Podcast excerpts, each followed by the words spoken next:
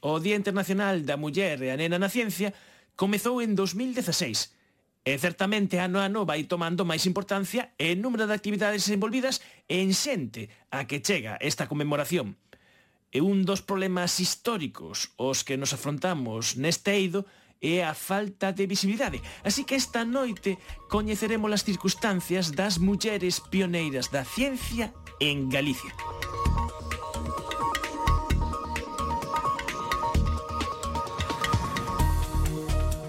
Moi boas noites, un saúdo de César Goldi, Joana Magallás e Manuel Vicente. Somos o equipo de Efervesciencia.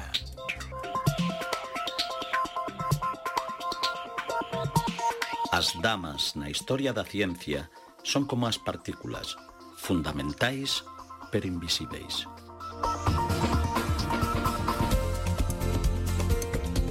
Isto é da divulgadora científica Valeria Edelstein. Hai unhas semanas tiven a sorte de participar no Muncit na Coruña nunha charla dialogada sobre mulleres químicas que impartiu a profesora de Química Inorgánica da Universidade de Santiago e colaboradora de Efervesciencia, Rosa Pedrido. Entre o público daquel venres no Muncit, chamaba a atención a presenza dunha familia que tiña unha nena pequena duns sete anos, porque a cativa, no transcurso da charla, estaba ditada na súa cadeira – como allea a todo que contábamos. Pero entón chegou o momento máxico.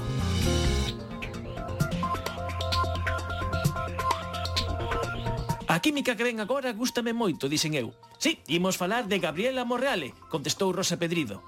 E nese intre, a rapaciña, que ata ese momento estaba deitada na súa cadeira, saltou como un resorte e levantou a man. era a primeira intervención do público e dinlle a palabra automáticamente. É que Gabriela é parente nosa. Ela foi a creadora da proba do talón, dixo a rapaciña. E así foi como a pequena espectadora contounos o que fixera a súa tía bisaboa. Emocionounos a todos os presentes.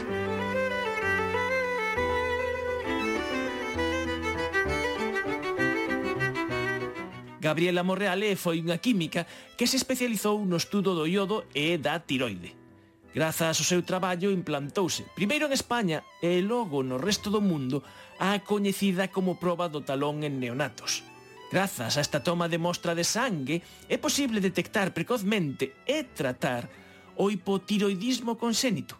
Calcúlase que cada ano evítanse en España 150 casos de gran discapacidade intelectual con esta proba. E non só iso, Gabriela Morreale tamén é responsable de que todos os días consumamos sal iodado e así teñamos desterrado o bocio endémico das nosas vidas. Tan importantes servizos á saúde pública deberían de ter polo menos o recoñecemento da memoria e lembranza da sociedade. Gabriela Morreale é todo un referente para a súa sobrinha bisneta, pero non estaría mal que ese brillo nos ollos da cativa o puidéramos ver expandido en moitas máis nenas e nenos. Benvidos á efervesciencia, hai outros mundos, pero están neste. Efervesciencia. Doses de ciencias en contraindicacións. Patrocinado pola FECIT, Fundación Española para a Ciencia e a Tecnoloxía, Ministerio de Ciencia e Innovación, unha colaboración da Universidade de Santiago e a Radio Galega co apoio da Axencia Galega de Innovación da Xunta de Galicia.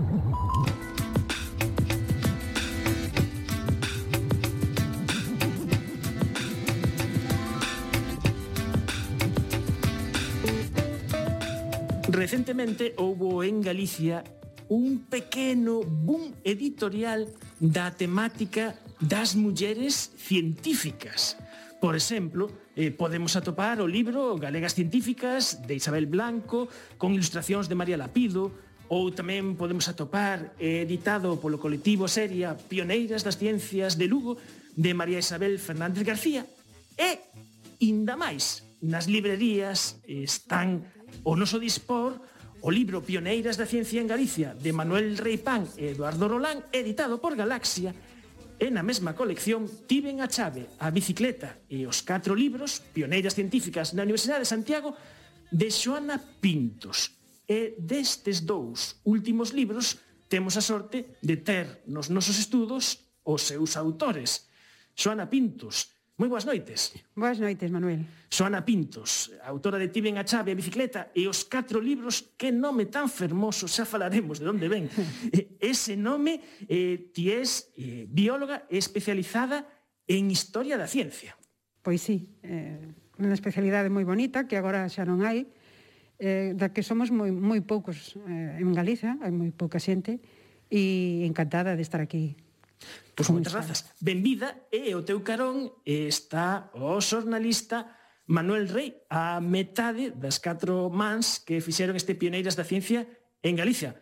Manuel Rey, boas, moi boas noites, benvido outra vez a Fervesciencia. Moi boas noites, Manuel, e moitas grazas, e encantado de estar unha vez máis aquí. Manuel Rey é xornalista. Moitos de vos seguro que o coñecedes polo seu traballo en G Ciencia, que eh, estos os compañeiros de divulgación no mundo eh, da, das redes que era o teu anterior traballo porque agora fixeches unha mudanza profesional e estás eh, empezando a traballar no proxecto Equalsy Lab. Non sei se dicen dixen ben. Sí, eh, pois sí, agora cambiamos un pouco de, de lado, non? Desde, despois de, de todos estes anos, pois, traballando ese outro lado, non, da, da investigación, de falar con eles, pois desde, desde a perspectiva xornalística, agora pois traballando un pouco máis máis de preto, non? Seguro que vai ser unha experiencia moi interesante tamén. Antes perseguías os, os investigadores e agora vas ter que perseguir os xornalistas. Sí, bueno, eu creo que teño que ir, vou ir detrás dos dous igualmente. os investigadores para que me conten algo máis e, eh, bueno, pois os xornalistas desde logo tamén. Sí, ese proxecto é eh, Qualsil Lab que é un proxecto financiado polo Consello Europeo de Investigación liderado polo investigador Sebastián Villasante, que estivo tamén neste mesmo estudo a nos contar en que consistía este proxecto de, para investigar a equidade, a igualdade, a justiza no mundo da xente que traballa no mar, aquí e outro lado do, do océano.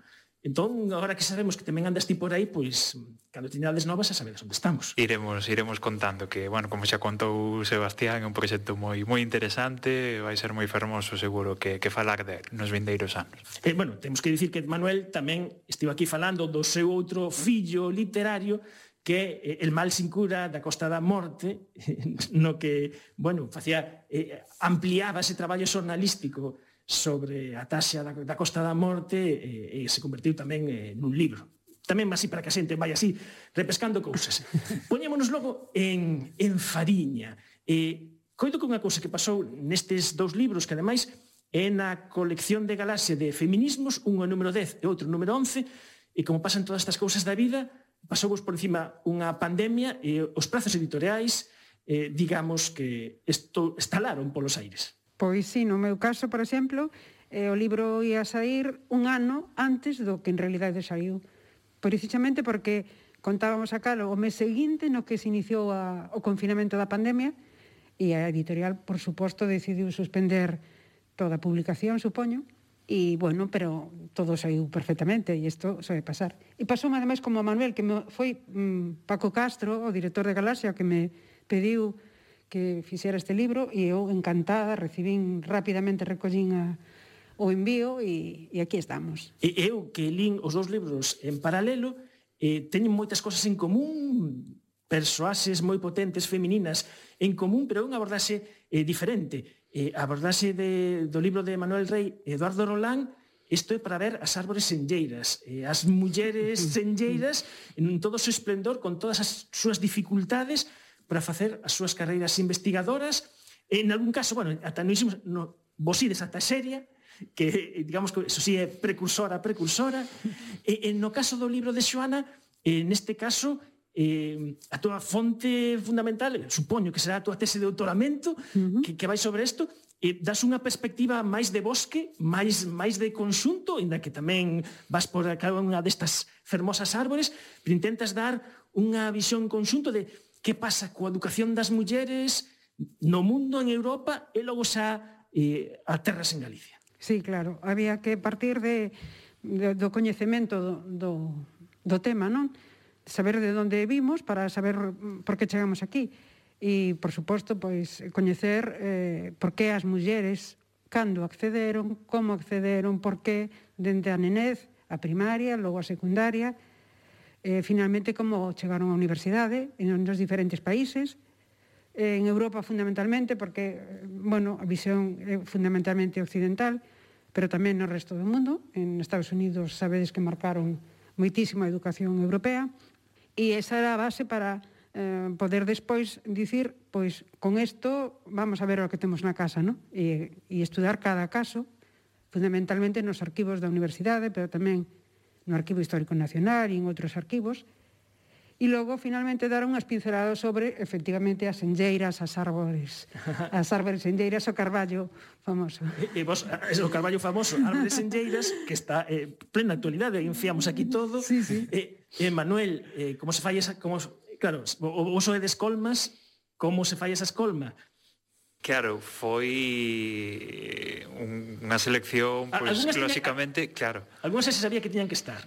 Claro, e obviamente, como, como se adoita dicir, non? Eh, pois, eu supoño que, que, que sí, que todas as que están pois, son merecedoras de, de figurar nesta, nesta escolma obviamente pois haberá casos que, que bueno, pois quedarían aí no tinteiro e que pois poden eh, aparecer en, en futuras obras. Foi un pouco a idea de, de centrarse nese número de 25 figuras e foi un pouco pois a, a decisión de, de escollegas e tamén pois fiar, comentabas, non, o, o caso de, de Xeria desde, mm. desde a antigüidade e bueno, falando pois ás veces, non, con, con Eduardo e Rollán sobre un pouco esa lista de, de selección de, de personaxes eh, aínda que igual a biografía de, de seria en parte polo descoñecemento, en parte pois migarse tan, tan atrás no tempo, pero bueno, sí que é certo que hai esa eh, ese perfil de viaxeira, de, bueno, de descubridora, non, de alguna maneira de, de, de novos lugares, pois pode ser un pouco esa, esa precursora, non?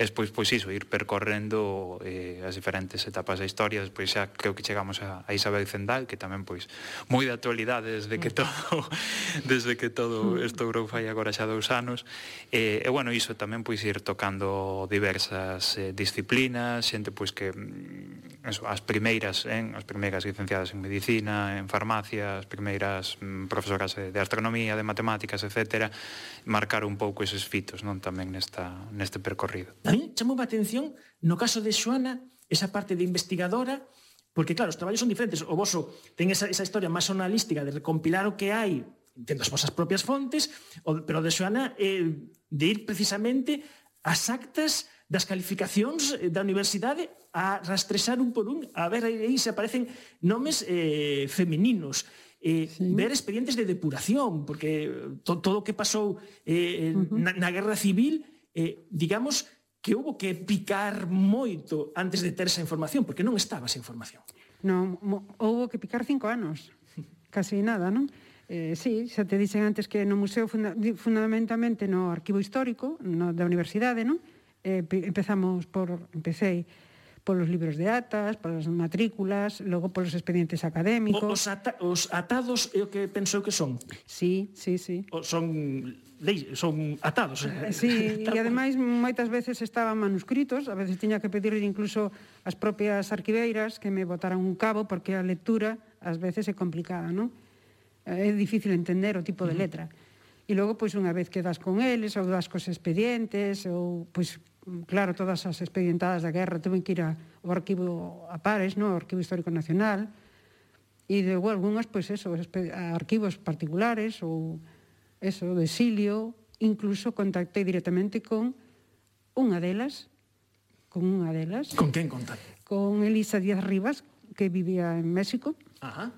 E a través de internet, con correo electrónico, un par de veces conseguimos eh, intercambiar información e logo perdín contacto, supoño que faleceu, pero non o sei. E con moitos descendentes tamén, con moitas fillas ou fillos ou parentes de, de algunhas delas, e eso foi un, un bueno, sí, unha labor inxente, a verdade que... Uh -huh. Sí, gran traballo aí detrás. Eh, e, no vosso caso, testes algún contacto con algunhas das que están vivas? A través de, de ciencia, supoño que algunhas... Eh, sí, había algún, había algún traballo previo, sobre todo, pois, obviamente, das máis recentes, pois, eh, alguna, alguna entrevista ou alguna reportaxe de forma tanto directa como, como indirecta, non? Eh, con xente, pois, que as coñeciu e demais, pero, bueno, sí que despois, eh, a verdade que foron de, de gran axuda, como se doita decir, non? Sempre que mm. falamos de ciencia, de anarnos ambreiros de de, xigantes. Eu creo que traballos como de Xoana, eh, tamén, pois, por exemplo, tamén o, o álbum da ciencia, non? Mm. Do Consello da Cultura Galega, que é outra xoia tamén que, que temos sí, aquí, sí. non? Para percorrer a nosa historia. Eh, desde logo que, que este traballo que xa estaba feito facilitou eh, moitísimo coñecer estas figuras e un pouco pois tamén saber por onde contar estas, uh -huh. estas historias, non? O traballo que estaba feito pois de logo xa era formidable e bueno, pois douselle este enfoque un pouquiño distinto, non? Verlo pois desde esta perspectiva perspectiva máis biográfica. Non? Uh -huh. Biográfica, pero biografías eu coido que bastante atinadas no aspecto de, de, de extensión, que dicir, eh, unhas, unhas poucas eh, páxinas cada un delas, e para que sexa así eh, asiquible, con bastante información, incluso tamén co que pasou despois de, que dicir, pois da, da, das, eh, das mulleres científicas que, que morreron, pois que pasou, se houve reconhecemento, se non hubo, se chegou tarde como chega moitas veces, eh, isto tamén o recolledes a Ilorio. Sí, porque é, é necesario, non? Tamén fala, pois, a ver, cando nos estamos achegando a datas como, como estas, como a 11 de febreiro, facer memoria tamén eh, estar a tempo de, de xerar esa, esa memoria cando, cando esteamos no, no futuro, non? E que estas figuras pois se poidan recoñecer. Unha das cousas pois que pasou neste tempo desde que entregamos ese manuscrito hasta que eh, pois o libro xa está disponible, pois por exemplo as eh, irmáns eh, Fernández de la Vega que xa estaban recoñecidas en, en Santiago de Compostela en diferentes eh, bueno, tiveron o seu nome un edificio da universidade eh, pero bueno, abriuse unha rúa eh, donde se está pois agora ampliando o campo Campus Vida teñen desde fai poucos meses pois unha unha rúa ali. Eh, tamén unha das eh, mulleres eh, pois que que aparece con cunha trayectoria máis recente como é Ana María eh, Díaz Prieto, o Prieto Díaz, agora estou... Prieto Díaz. Prieto, Prieto Díaz, Díaz perdón, que non, non me quería confundir co orde dos apelidos, pois tamén falecida pois, fai, fai poucos anos e que a súa historia mm, descoberta pois tamén moi recentemente con, por Enrique Neira nesta historia da informática en Galicia. Exactamente. É unha entrevista que foi un pouco tamén a que a sacou dese, dese anonimato eh, nun xornal, pois que foi a que recuperou esa historia. E, e que, que con Ana Prieto pasou unha cousa que eu, eh, vendo ese traballo de Enrique Neira de eh, Historia da Informática en Galicia, eh, pareceume moi interesante a súa historia e lle pedín a Enrique o seu teléfono para chamala e poñerme en contacto. entonces foi chameina e o teléfono apareceume apagado fora de servicio e dixen, mmm, isto pareceme some raro, contactei outra vez con Enrique, Enrique contactou coa familia e resultou que morrera. Vale. E, e foi, foi a historia de que, de que falta seguimento de, de, de, de, estas, de, de estas persoas E, e logo foi, bueno, pois cando eh, eh, pois, xa o, o Colexio de Informática de Galicia pois fixo eco da noticia e, e, e xa pois, un pouco saiu, non? pero que eh, eh, esa invisibilidade sigue estando aí, sigue estando. Lamentablemente, bueno, sigue estando aí. Mm. Eso, temolo presente de cousas que estamos falando de fai moi poucos anos e bueno, tamén por iso, non? O Colexio de Informática que despois pois tamén organizou unha homenaxe moi moi bonita coa familia e bueno, pois un pouco fixo tamén xustiza esa, esa figura tamén pioneira, non? E, e Sona, no teu libro falas de, da historia da educación das mulleres É unha historia no que eh, está chea de, de textos no teu libro de xente que, que intenta justificar porque as mulleres non deben ser educadas. Porque... O injustificable. O injustificable, exactamente. Intentan, intentan justificar. Está todo aí. Incluso, eh, hai como unha especie de... Eh, a min chamou má atención, eh, falamos de principios do, do século XX en España, cando se di, bueno, pois o mellor, imos darlle algo de instrucción ás mulleres para que poidan ter conversa. Como un verniz, decía Pardo Bazán, como un verniz, como un adorno, non? Simplemente para quedar ben en sociedade e para que mm, eh, incluso para que non deixaran quedar mal a familia, digamos, non? Que, sí, nada máis que como un lustre, lustre pero en realidade ou para que tiveran certa formación para cuidar mellor a familia, ou a higiene familiar, ou tiveran algún coñecemento sobre os alimentos ou cosas así. Pero en realidade non había ningún interés, cero interés, en que elas recibiran mm, formación real. E se tivesos primeiros plans de estudos de de educación básica son, pois, non sei, bordar, coser, cociñar, e entón e os nenos se estrenaba pois historia, matemáticas e economía. E isto, ata aí, nada. Coser, coser e rezar, como dis no libro. Sí, sí, coser e rezar, justamente. Esta, esta é a educación que, que, que, que se das mulleres e entón non hai hai unha data aí un tanto significativo que remarcades aí nos dous libros que 1910 uh -huh. cando se crea polo menos unha vía de acceso legal a, ao ensino universitario. Legal, exactamente, porque mm, sabedes que ou conto vos que as mulleres tiveron acceso á universidade antes de que fora legalmente permitido, digamos, ¿no? O sea, en realidade tiñan acceso, pero tiñan que pedir unha serie de permisos, incluso o rei, a parte de autoridades administrativas e académicas, que eran farragosísimos, pesadísimos, moi complicados, e facían que petando ali, ao final, moitas mm, abandonaran a, a, o podía, intento, non? Podía tardar anos. Esa... Podía tardar anos, sí. E entón, digamos que non había ningún sitio escribido ou escrito que eh, non puderan facelo, non? Pero oficialmente, des, sin permiso ningún, foi 8 de marzo, data gloriosa de 1910, sí.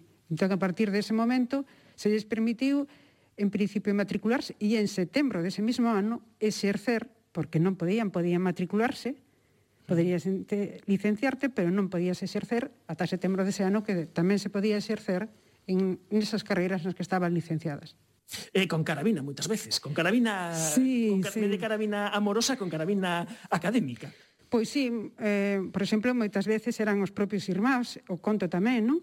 que hai algunhas alumnas que eran mm, maiores do que, digamos, de cadraría pola súa quinta, eh, non estaban dentro das... Eh, os seus compañeiros eran máis novos que elas, porque elas tiñan que agardar a ter un irmán que as pudera acompañar, un irmán que as pudera acompañar a aula ou a veces pois un pai, incluso como pois como unha das alumnas que vivía eh, se coñecedes a universidade e eh, a, o edificio de, do colexio de, de Fonseca, non? Ali na praza, pois, na, na praciña de Fonseca, uh -huh. ali preto da Raíña, que ali hai un par de famosos bares e restaurantes, pois vivía aí. E para cruzar, o sea, que eran nada, 10 metros. 10 metros, sí, sí. Pois sempre levaba compañía. É curioso, eh? E esa, esa, esa tutelase.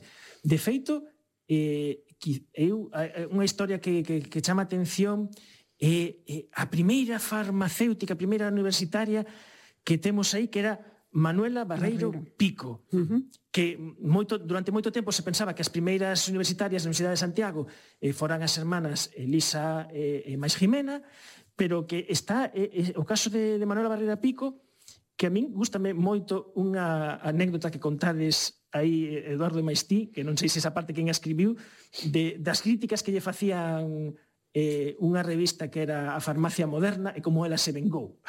algo así, non como pierde o tempo, teño que tería que mirar aquí no libro, pero sí que é unha é unha frase moi moi curiosa, non? Creo que está aquí. Perden o tempo os cartos e algo máis que sempre constituíu a mellor auréola das damas as familias que teñen o mal gusto de destinar as súas fillas ao manexo do bisturí e os traballos de laboratorio. A figura da muller ten outro cadro e debe respirar outro ambiente era esa frase que lle, que lle dedicaban. Pero bueno, pois a, a pesar de todo isto, aí saiu e, Manuela. E, eh, eh, que logo a súa farmacia chamábase a farmacia moderna. Non sí. se sabe si, si un pouco por justiza poética ou un pouco por radio encanto dos dentes, ou o mellor foi a casualidade, non? Que o mellor daquela o moderno é o que estaba en boga. Vai me dicir a nota. Fixo moi ben, Carmela. Sacou un 29. ¿Mm? Pero doi un 30 polo que eu chamo cociente de simpatía. Poca cousa, hai xente que lle quito ata dous puntos polo cociente de antipatía, eh? Pero teño unha noticia mellor. Deronlle a bolsa da JAE. En serio? Uh -huh. Vou con você de Estocolmo? A traballar con Van Euler. Sempre que na súa casa lle deixa. Terá que falar coa súa nai. Carmela, o talento é un agasallo. Defenda-o.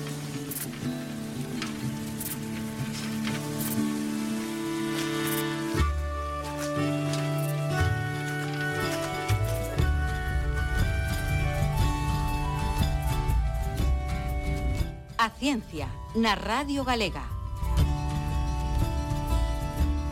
Vamos sacando eh, cosas eh, comuns. Eh, esa, digamos, que, que temos aí o principios do, do, do século XX no que ti, eh, Xoana, analizas con números cal é a presencia real de, de mulleres nas carreiras experimentais na Universidade de Santiago, que é a única universidade que teñamos en Galicia, e, e, e vese que en empezamos moi mal, incluso comparado co, con o resto de España, pero que a partir dos, eh, dos anos 20 en, en determinadas carreiras pois aí dá esa volta. Nos puxemos a cabeza.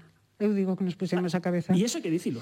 Sí, hai que dicilo, especialmente na Facultade de Ciencias. E evidentemente porque o profesorado que tiña a Facultade de Ciencias era un profesorado moi aberto, moi moderno, estivera fora, estaba mm, relacionado, vinculado ca Institución Libre de Ensinanza, con este mundo progresista, eh, non cas antigas vacas sagradas, ni cas antigas cátedras, e lles parecía normal que as mulleres estuveran nas aulas e, e as animaron a estudar, as apoyaron. E, e iso fixo que a Facultade de Ciencias fora a que tuvera maior porcentaxe de, toda, eh, de todo o Estado de mulleres matriculadas sin dúbida, entre os anos 20 ata a guerra, claro, que foi un, unha ruptura total.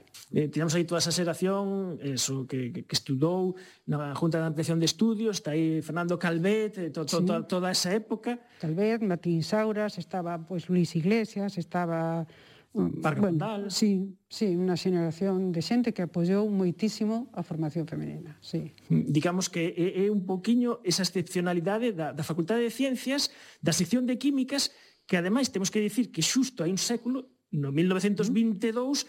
inaugúrase oficialmente os estudos de, de química, de que aquí podías ter o título de química precisamente a Facultade de, de Químicas da Universidade de Santiago está de centenario, de centenario sí. de aniversario. Sí, sí o teu director da tese, eh, Ricardo Gurriarán, sí. e, e el falaba de que esa época na Universidade de Santiago é unha época de eh, efémera, efémera luz no, no canto de renovación dunha universidade periférica, a Universidade de Santiago, cando eh, en España só hai oito, e, e que consiguen que a xente vaya saindo fora, que se forme cos mellores, incorporación da muller, e chega a, a guerra civil e, e, e un reset total. Sí, Sí, sí, un reset total porque xa sabedes que o, a, o franquismo promoveu outra vez a volta da muller a casa, a pata quebrada, os ansos do fogar. Bueno, xa sabedes o que o, as ideas, as iniciativas da sección femenina neste terreno, entón, eso fixo, por suposto, mella na sociedade e as mulleres volveron fundamentalmente outra vez á casa, ata os anos, a finais dos anos 50 ou 60, que empezou outra vez o boom e, bueno, pero hubo 20 anos moi escuros, sí. E, e antes de que chegara esa, esa ruptura da, da guerra civil e a dictadura, está ese, ese tempo no que eh, vese na, na biografía, nas biografías das mulleres, vese que moitas delas estiveron estudando fundamentalmente en Alemania, que debía uh -huh. ser pois, non sei, os Estados Unidos da época, sí, o, o sí. que se veía. Sí. E, e, por exemplo, a mí chamou, facíame gracia como, eh, Manuel, nas vosas biografías saía moitas veces a residencia de señoritas uh -huh. de Madrid e uh -huh. cada vez como se poden ler os relatos independientemente tedes a historia de dicir, bueno, equivalente da residencia de estudiantes onde estaba aí María de Maestu, aquí se coñeceron pois, pois estaba um, Dalí, estaban os outros, es, esa eh, vamos a decir, máis facendo xogo de palabras, esa efervescencia cultural E esa é unha constante moitas das, das mulleres que, que vos... Sí, é un fío uh -huh. que, que se toca en moitas destas, destas biografías, non? Falábase de que posteriormente neses anos pois de, de luz, non? Que comentades que, que, que de feito pois esta Universidade de, de, de Santiago en concreto, comenta que ti, Xoana, na, no, nos teus traballos tamén, que incluso, mm, falando un pouco con conceptos máis modernos, atraía talento, non? Xente sí. de outras partes de, de España e investigadores que despois pois foron referencia tamén nos seus campos, decidiron vir cara, cara aquí pois tamén para desenvolver a, a súa carreira, non? E eso, respecto tamén a, a eses lugares, non? Que imaginemos pois como sería o día a día neses espazos, non? Na residencia de estudiantes, na residencia de señoritas, eh, esos sitios, eh, claro, pénsalos, ves os nomes, ves o que se facía, non sei, a ese lume interno, non, que tiña que ter esa xente para para querer aprender e traballar, tuveron que ser tempos pois fascinantes, desde logo. Uh -huh. Uh -huh. E, e, e a ti das das vosas 25 biografías, dinos unha que a ti Uf. Te, unha que nos...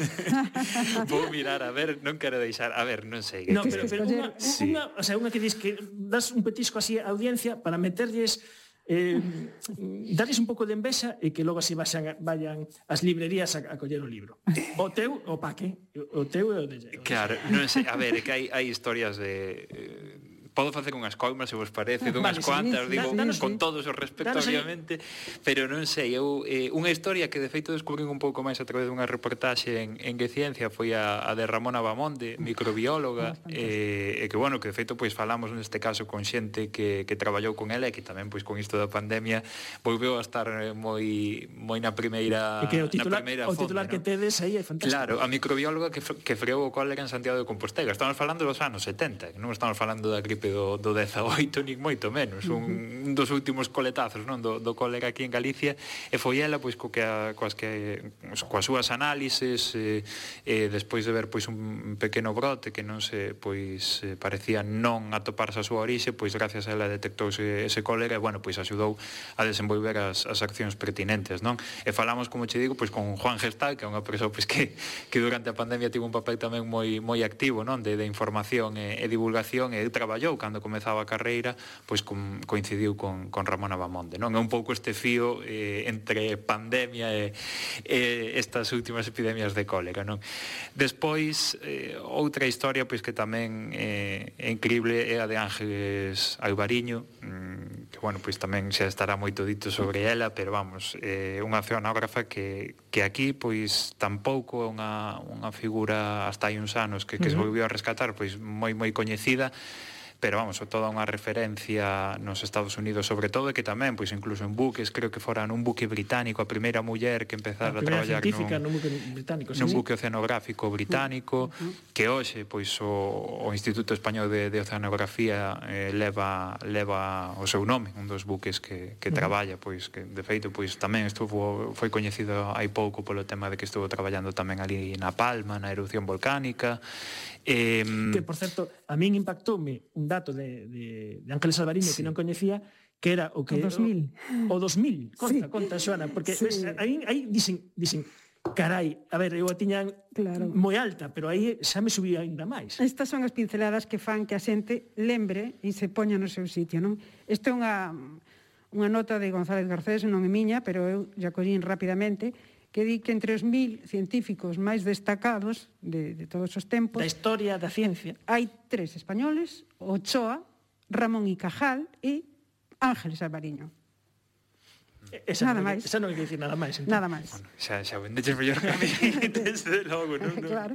Sí, sí, no, ese, ese dato é fascinante. E despois, bueno, seguindo un pouquiño tamén, outro, outra historia de, de anonimato e que tamén descubrimos un pouco a, a intrahistoria tamén nunha reportaxe que fixéramos en, en Ciencia que é de María Bonenburger uh -huh. e que bueno, que tamén estamos falando dese ano 1910 como, como data un pouco no que parece que as cousas comezan a cambiar María Bonenburger cunha trayectoria eh, moi destacada nos, nos Estados Unidos eh, deixou no todo porque se veu a cuidar a, a súa nai que estaba enferma aquí na Coruña Como Jimena Como Jimena Fernández de la Vega, es que sí. esa é outra historia, non?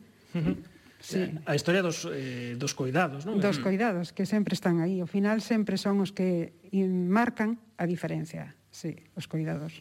Uh -huh. E o caso de, de, de eh, de María Bornenburg esa invisibilidade total ata que o zar vengo contades aí eh, fai que coñecían curiosamente os profesores de matemáticas sí. a xente da Gapema, Enrique Pujales e tal, pero hasta que eh, as, eh, as profesoras de, de, de matemáticas da universidade eh, mm, Tarrío eh, María eh, José Souto, María José Souto e Ana Dorotea Tarrío Ana Dorotea sí. Tarrío descubriron a entidade de María Bonenburger eh, casualmente e a partir de aí escriben na Real Sociedade Española de Matemáticas un, un pouco a vida de, de María e logo a partir de aí pois xa ben coñecida e quizáis o caso de María Bonenburger tamén pode ser un caso de éxito no aspecto de que de ser unha figura totalmente descoñecida, eu coido que agora todos os escolares de Galicia coñecen. Dame a sensación, o traballo que se fixo durante todos estes anos de eh, presentar aos escolares a exemplos de mulleres científicas galegas, eh, están aí. Entón, ti vas con cursos de redacción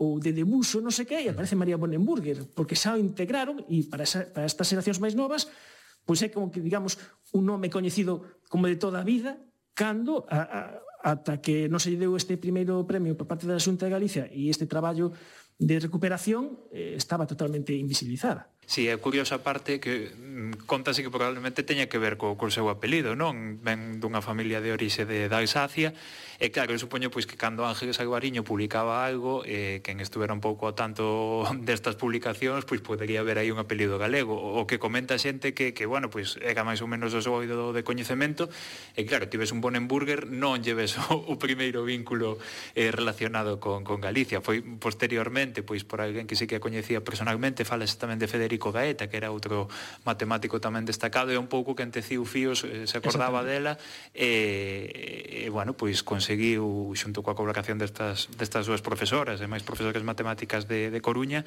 rescatar a, a súa figura. Pero bueno, moitas veces é ese, como un apelido non moi común en Galicia, eh, pois obstaculiza non esa, esa historia. Eu de María Bonenburger gardo un recordo moi bo, porque cando lle deron ese premio a Xunta, eu acerqueime a ela e dixen, oh, gustaríame facer facerche unha entrevista."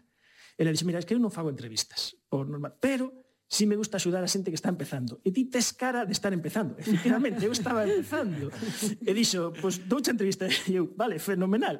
E foi así como fun, fun a súa casa, un, un contando cousas, e logo levamos aí a radio, os estudos da Radio Galega na Coruña, para facerlle a, a entrevista audiovisual e a única que hai, que queda aí de María Monenburgue, pola súa generosidade, coa xente aí que estábamos aí empezando nas cousas, e iso, isto é unha cousa que non esquencerei xa máis. E, e dixemos Dixen na presentación do libro que nome tan bonito de tiven a chave, a bicicleta e os catro mm. libros que habría que explicalo, pero non, Xoana, non expliques ti, que ímolo escoitar.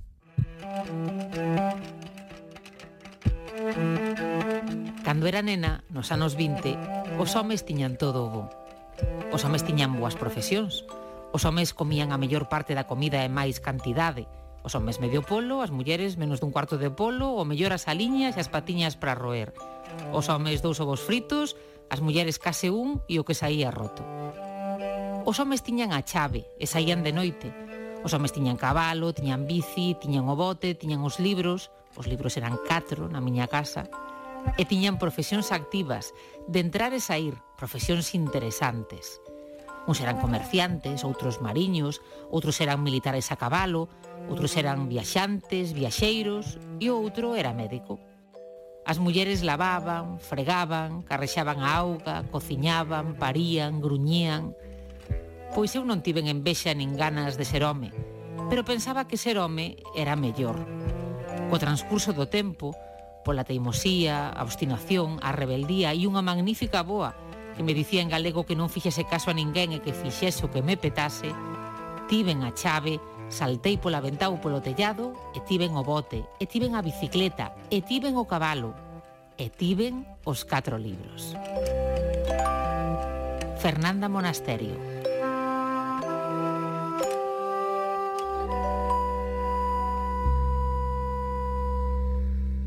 Pois é unha unha muller que estudou medicina que eh, en Santiago, que foi discípula de Cajal, eh, se dedicou a neurociencia, eh, acabou eh, tras a guerra, por suposto, en Argentina, foi fundou a primeira universidade de, de psicología do mundo, se hai un psicólogo no mundo ten que ser argentino, digo sempre.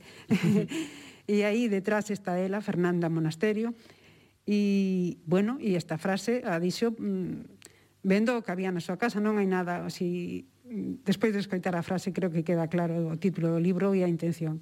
É unha científica das destacadísimas tamén a traballar e a recoller. E que se me permites dicir sobre pois, o que falaba Manuel de María Brunenburger, que o, todavía o traballo está moi pendente e eu sempre reivindico que os estudos destas mulleres están por facer.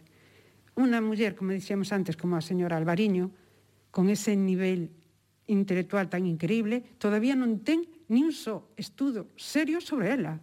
E ten unha biblioteca fantástica na Coruña e a ninguén, nunha tese, ni ningún estudo desos grandísimos. Cantos libros hai sobre Ramón Cajal ou sobre Ochoa? Uh -huh. E aí estamos. Pois, mira, aí se hai temática para facer investigación, teses de doutoramento... Ah, sí que hai, sí. As gallas. Sí, sí. No, e ademais en estas cousas sí, sí. xogasen moitas veces en contra do tempo, porque o esquecemento ti ben o contas e a primeira... E o que ti decías antes, van morrendo, e senón el, os descendentes, ás veces xente, xente que sabe... que pode dar testemunha de... Directa, e sí, é fundamental. Unha cousa, unha reflexión que, que tes tamén no libro, porque o, o libro Sona está centrado na Universidade de Santiago, non? E, e, e que é unha frase de, de Marilar Alexandre que di que a Universidade de Santiago Hmm. Ten 100 anos en realidade, non 500, non 5 séculos. Claro, para as mulleres ten 100, sí, efectivamente. 500 para os varóns, 100 para as mulleres. É unha gran frase de Marilar, mm. sí. Unha gran frase na que nos dá conta eh, un pouco da, do camiño, mm-hmm. do, do longo camiño e eh, dos atrancos co que se atoparon as mulleres que, que, que quixeron estudar, e máis concreto as mulleres que quixeron estudar carreiras experimentais e quixeron algo tan simple como exercer. E, e xa non nos queda moito tempo. Eh, eu recomendo ler estes libros, que, que son libros que o mellor que ler, pois, eu penso que a, a, a naquiños, a, e, bueno, ir así collendo esa información, pero hai eh, cousas concentradas. E, e hai unha constante que aparecen nos dous libros que, que moitas delas, por exemplo, na Guerra Civil, eh, que, que suf, sufriron persecución, algúnas tiveron algún tempo na cadea, ou tiveron que facer o exilio mesmamente, o, o exilio interior, que, que menos, menos recoñecido. E a min chócame cando eh, se fala dos expedientes de depuración, as causas que decían que se esgrimían para exercer esas depuracións.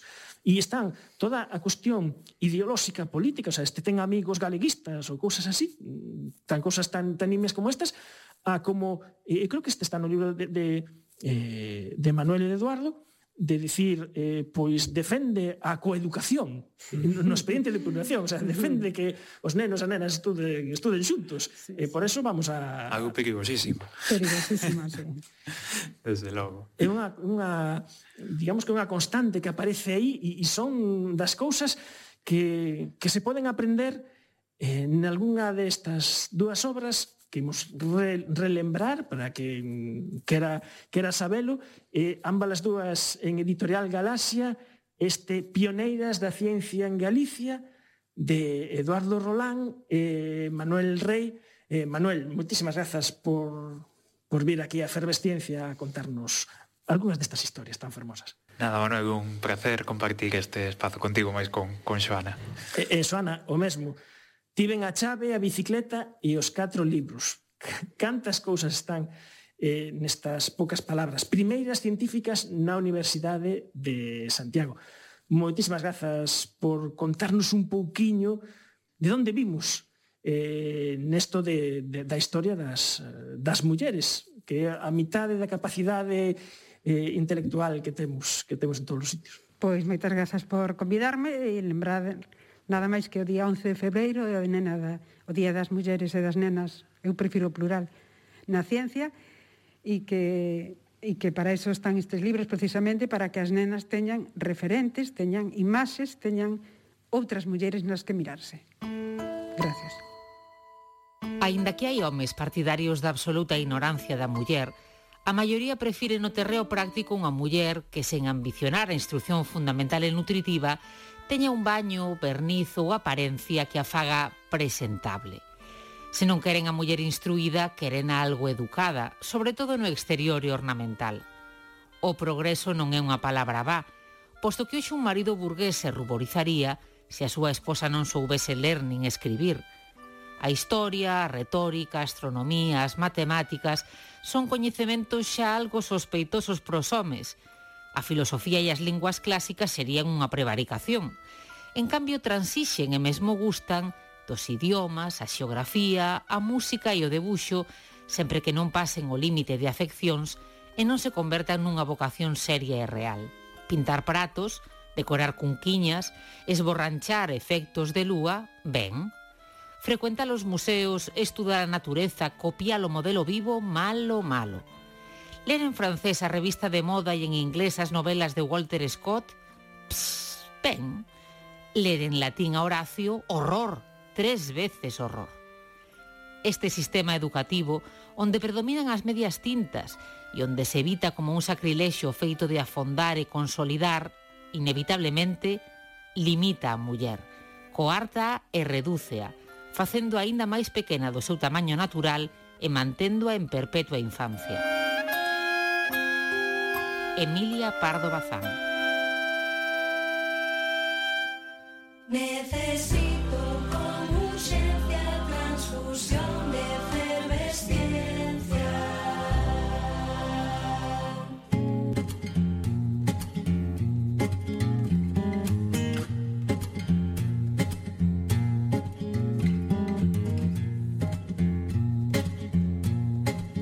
A nosa especialista nas cuestións relacionadas de muller e ciencia é a nosa colaboradora Joana Magallés. Joana, moi boas noites. Hola, moi boas noites, Manuel. Estamos en tempada alta do ano, como quen di, porque aproxímase 11 de febreiro e logo dentro dunhas semanas 8 de marzo. Entón, acontece en todos os medios que todo o mundo empeza a buscar historias para falar de cousas de mulleres científicas. Nos facémolo todo o ano pero obviamente tamén nestas datas sinaladas. E precisamente esta mañá desde a Asociación de Mulleres Investigadoras e Tecnólogas, AMIT, ou AMIT Galicia, fixestes unha presentación pública dun estudo no que estudastes que acontece en cuestións de xénero na Real Academia Galega de Ciencias.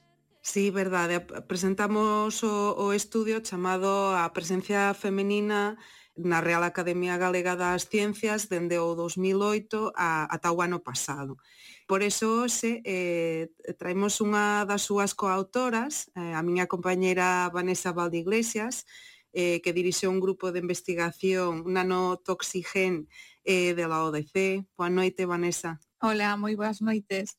Moi boa noite. Podías contarnos un pouquinho como surdiu a idea de, deste de estudio? Pois este estudio, a verdade que surdiu aí máis dun ano, así, me penso, eh, foi xa levábamos tempo eh, dende a Asociación Investigadora de Mulleres Investigadoras e Tecnólegas eh, vendo como bueno, pues, eh, faltaba eh, presencia femenina nalgúns premios, nalgún, nalgúnas eh, recoñecementos públicos da Real Academia Galega de Ciencias. Non sabíamos ata que punto isto era unha, unha coincidencia, eh, como moitas veces se di, ou, ou realmente era, era verdade. Entón, hai máis dun ano que, bueno, Joana e eh, eh, eu eh, pensamos que, bueno, que, que sería bo facer, eh, facer un estudio E eso foi o que fixemos, con coa axuda da Real Academia Galega de Ciencias, nos pusimos en contacto con eles, que eles eh, temos que agradecer que eles sempre estuveron, eles e elas, este, sempre estuveron eh, bueno, axudando, eh, proporcionando os datos, eh, participando. Eh, e foi así como sur, surdiu un pouco o informe. Eh, Vanessa, eh, danos un titular. Cales foron os resultados do, do, do estudo? Porque estamos moi expectantes de ver se se confirmaron as vosas sospeitas do que acontece nos premios da Real Academia Galega de Ciencias. Pois eh, sí, de, de, teño que decir que desgraciadamente sí se confirmou. eh, eh, os datos están aí, efectivamente hai unha infra, infrarrepresentación moi moi importante das mulleres na Real Academia Galega de Ciencias, non só na propia academia, senón despois o que conleva eh, os premios que convocan, eh, eh, eh, pues, os galardóns que dan, efectivamente. Sí é certo que notamos e tamén quero eh, destacalo, notamos unha tendencia a, a mellorar, pero é verdade que esta tendencia está sendo moi lenta. Eh, eh, eh, eh pensamos, e así o decimos tamén no informe, que non se axusta ao que, aos cambios que están a suceder na, na sociedade, que va moito máis rápido e que a día de hoxe eh, está esta academia e todas estas institucións quedan un pouco non reflexan o que o, a sociedade científica. Entón mm, pensamos que sí que o cambio debe ser moito máis rápido e deben haber unha serie de medidas para favorecer eh, pues, que se asuste ese, ese, esa situación á realidade. Outra, quizáis, da, das conclusións que se chegaron foi un pouco facendo a, a, a comparativa entre que a, a etapa eh, na que están a, as persoas investigadoras, non? entre as persoas mozas eh, e seniors. Sí, foi algo que tamén vimos que, que efectivamente eh, cando o galardón eh, bueno, para aquelas etapas da carreira onde eh, bueno, se precisa máis experiencia ou, ou que eh, sí que hai maior represencia eh, masculina. En as etapas tempranas cando, cando estás iniciando a túa carreira investigadora hai máis presencia femenina. Eso tamén o notamos, igual que diferencia entre institucións, diferencia entre eh, importancia dos premios, canto máis importancia ten o premio, maior presencia masculina hai, todas estas cosas eh, tamén as reflexamos no informe. E, e ese sesgo que hai eh, cara a ter maior representación nos premios de, de varóns, de investigadores homes sobre eh, investigadores mulleres, isto débese a, a que o xurado ten ese sesgo ou facendo ese análise polo miúdo que fixestes débese a que as candidaturas que se presentan xa están eh, mal representadas? Eh, hai un, un pouco de todo. Efectivamente, pensamos que hai un sesgo importante. Eh, de feito, as persoas moitas veces que, que propón candidatos e as persoas que, que valoran eses candidatos son homes en, en, en con unha amplia maioría, pero tamén é verdade que nos premios no que, nos que os candidatos ou candidatas son eh, propostos por, por, por terceiros, tamén hai eh, poucas candidaturas femeninas. Entón, aquí facemos tamén un chapamento non só dentro da institución, que tamén, senón fora, eh, as outras institucións de, de investigación, as universidades, os centros de investigación deben eh, ter en conta isto e propor, e propoñer máis eh, candidaturas femeninas o informe tamén eh, está un pouco eh, eh volcado a estudiar, por exemplo, a presenza do recoñecemento da, das mulleres científicas no Día da, da Ciencia na Galiza, ou, por exemplo, máis tamén a nivel de, de que son premios de, de xornalismo científico. En ese caso, por exemplo, no, no caso do Día da Ciencia, que foi o que atopaches? Eh, no caso do Día da Ciencia, efectivamente, levamos eh, 14 eh, edicións, eh, que ao principio ni siquiera se chamaba o Día da Ciencia, se chamaba o Día do Científico Galego, entón aí mudou eh, nas primeiras oito edicións, eh, despois mudou o nome, eh, nas 14 edicións que levamos, levamos dous, eh, dous mulleres e eh, 12 homes.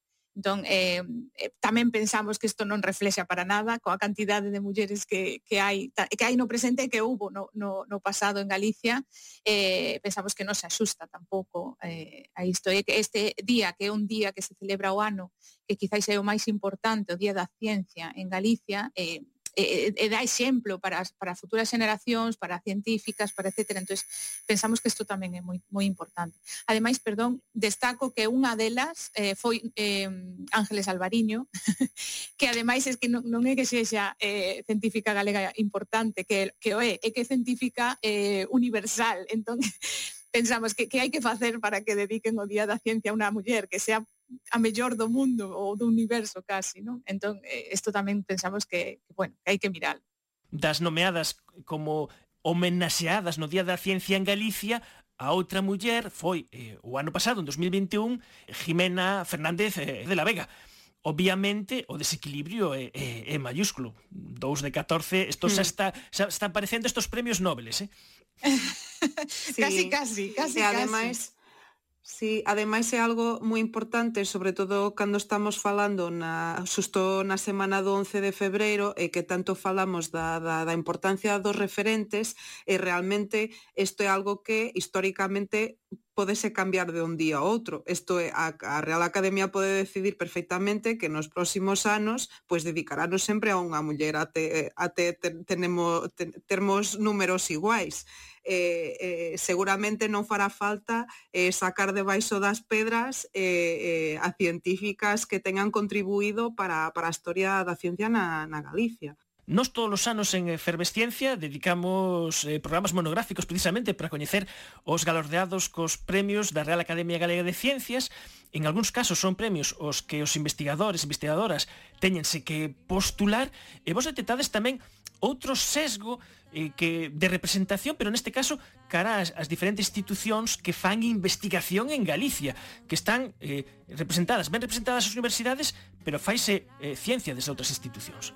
Sí, eso foi, eh, eso foi unha sorpresa que, que atopamos cara ao final, cando estábamos tamén eh, medio do informe, eh, que foi que efectivamente había unha, unha maior representación, pero moito maior da, da Universidade de Santiago con respecto a, a outras dous eh, universidades de Vigo e de Coruña, pero sobre todo unha eh, sobre representación da universidade frente a outras institucións como poden ser eh, os fundacións dos hospitais ou mesmo o CSIC, que casi non tiña eh, candidaturas presentadas, ya non decimos galardóns, senón mesmo candidaturas eh, non tiña. Eh, tamén é algo que, que, que destacamos no informe, que nos parece importante fomentar, porque ao final a Real Academia Galega de Ciencias é de ciencias de toda, da toda a ciencia de toda Galicia. Santa muller que me escoitas, escoito vento que trae a resposta. Pois Vanessa Valdeiglesias, eh, moitísimas grazas por atender a chamada de, de Fervesciencia. Ciencia Parabéns por ese informe no que estiveches a traballar xunto eh, coa nosa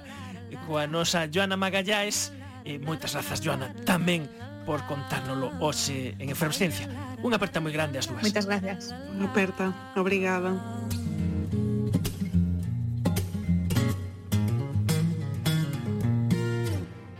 Efervesciencia. Patrocinado pola FECIT, Fundación Española para a Ciencia e a Tecnoloxía, Ministerio de Ciencia e Innovación, unha colaboración da Universidade de Santiago e a Radio Galega. O apoio da Xencia Galega de Innovación da Xunta de Galicia. Ata o vindeiro mércores na Radio Galega. Adeus. Uh,